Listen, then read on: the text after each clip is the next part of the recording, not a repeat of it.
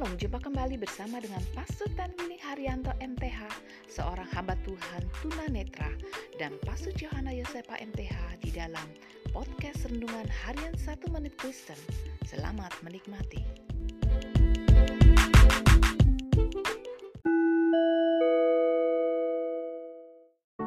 Shalom saudara-saudara yang sangat berharga di hati Tuhan. Hari ini firman Allah mau mengingatkan kepada kita, persembahkanlah yang terbaik untuk Allah.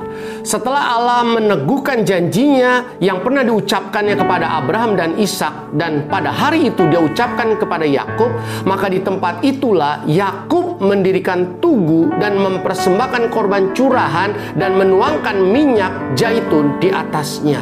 Minyak zaitun merupakan bukti bahwa Yakub mau memberikan yang terbaik kepada Allah dan memberikan penghormatan yang tertinggi kepada Allah.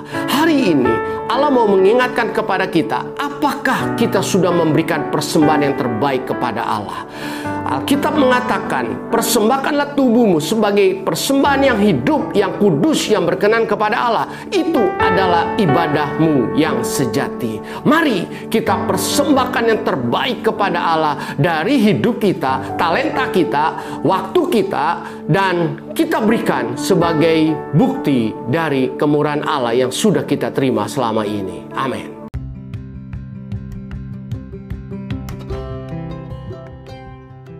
Terima kasih saudara telah mengikuti podcast Renungan Harian 1 Menit Kristen. Sampai jumpa pada episode berikutnya. Tuhan Yesus memberkati.